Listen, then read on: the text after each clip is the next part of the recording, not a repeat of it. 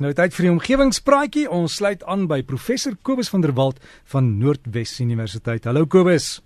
Môre Dirk, môre al ons omgewingsvriende. Ek wil vanoggend graag gesels uh, oor drie goeters. Die eerste een, die nuutste ontwikkeling op die gebied van energieberging. Want dit bly steeds maar die groot vlieg in die saal om volhoubaarheid met betrekking tot energie te bereik. Tegnologie om energie te stoor sodat dit later gebruik kan word, word al hoe belangriker na mate die geïnstalleerde kapasiteit van groen energiebronne toeneem. In verlede jaar reeds het windenergie kernenergie op hierdie terrein verbygesteek. Met ander woorde, die aarde kan deesdae meer energie met wind opwek as met kernkrag. Maar dit is nou as die wind waai sodat al die turbines volstroom werk. Die wind waai egter nou nie altyd nie, die son skyn nie altyd nie. So die wêreld is steeds afhanklik van energiebronne soos steenkool, olie, gas en kern om standhoudende energie te verskaf. Maar as ons dit nou kan regkry om die energie wat opgewek word terwyl die son skyn of wanneer die wind waai effektief te kan bære sodat daar steeds elektrisiteit sal wees in die nag of as die wind nou nie waai nie, dan sal ons 'n baie groot slag slaan om 'n meer volhoubare aarde vir ons nageslag na te laat. Nou, ek het al in die verlede gesels oor verskeie van die huidige bergingstegnologieë soos byvoorbeeld lithium-ion batterye wat uh, vinnig ontwikkel en dan brandstofselle wat met waterstof werk En ek het ook al gesels oor die gebruik van vliegwiele om energie te stoor.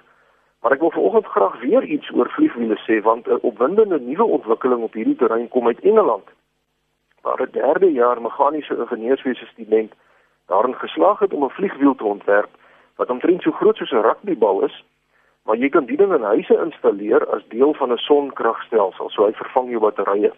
Nou gedurende die dag as die son helder skyn, sal die elektrisiteit wat deur die sonpanele op die dak opgewek word gebruik word om die vliegwiel te versnel tot rotasiesnelhede van so hoog as 144000 revolusies per sekonde. Uh ekskuus, per minuut, dis 2400 revolusies per sekonde. Nou die ou tipe vliegwiele tot nou toe, ehm um, het maar rotasiesnelhede van omtrent 6000 uh Nog, my syfers werk nie lekker vanoggend 60000 revolusies per minuut gehad of dan 1000 keer per sekonde. Nou die nuwe een kan 2400 keer per sekonde in die rondte dra. En die uh, rotasie energie, die momentum van die vliegwiel kan dan nou weer omgeskakel word in elektrisiteit wat ons dan saans kan gebruik om stowwe, ligte en TV uh, stelle aan te, te dryf. Nou die idee is nie nuut nie, maar die 21-jarige dame Abigail Carson van die Lancaster Universiteit se nuwe vliegwiel gebruik permanente magnete as koelaars en die hele binnekant van die ding is 'n vakuum met die gevolg dat die rotasie vir alle praktiese doeleindes wrywing vry is. En dit beteken dat hierdie vliegwiel se lewensduur op 30 jaar geskat word en dat daar geen onderhoud nodig is nie.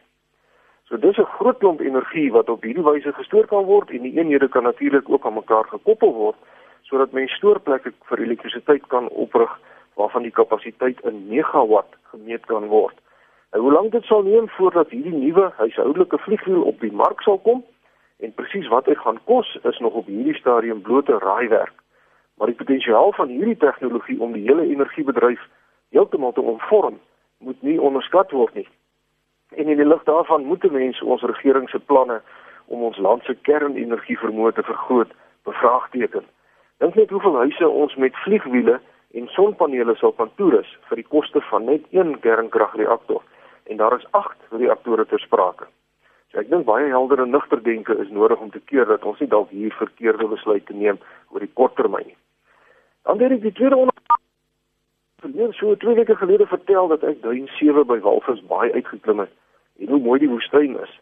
En in reaksie daarop het mevrou Karen Maree uit die Karoo vir my geskryf en sy is ontstel oor hoe die mense die woestyn verniel.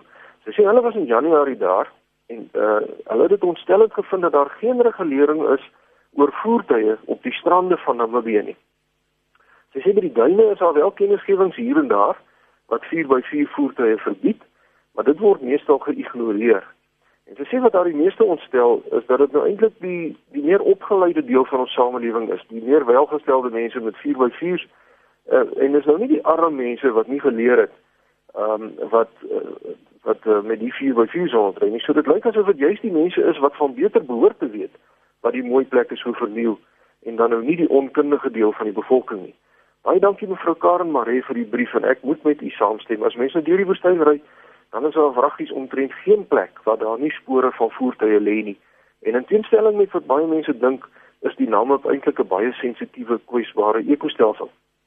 So as u daardie dele van die wêreld gaan besoek, dink tog asseblief mooi voordat u sommer op enige plek die woestyn invaar of op die strande gaan rondjag.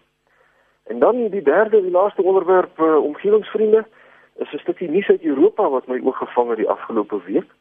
En daar is tans 'n groot poging aan die gang om hande was seep wat ontsmettingsmiddel in het te verbied.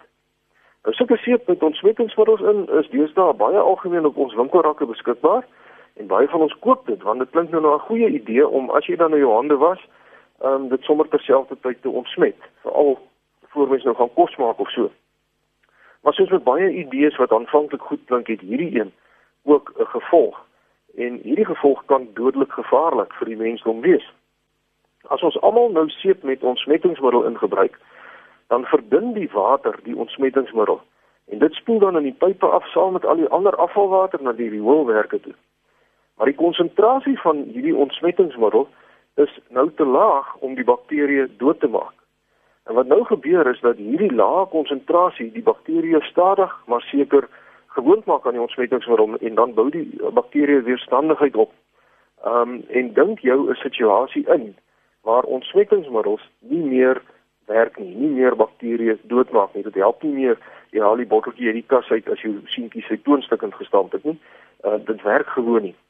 So ons moet almal maar 'n kopskuif hieroor maak want dis eintlik ehm um, goed as ons gereeld maar so 'n bietjie bakterieë inkry saam met ons kos uh, of virusse of so aan want dit ontwikkel jou liggaam se ingeskaapte meganisme om self weerstand te kan bied teen hierdie infeksies, bakteriese infeksies te beveg en so aan.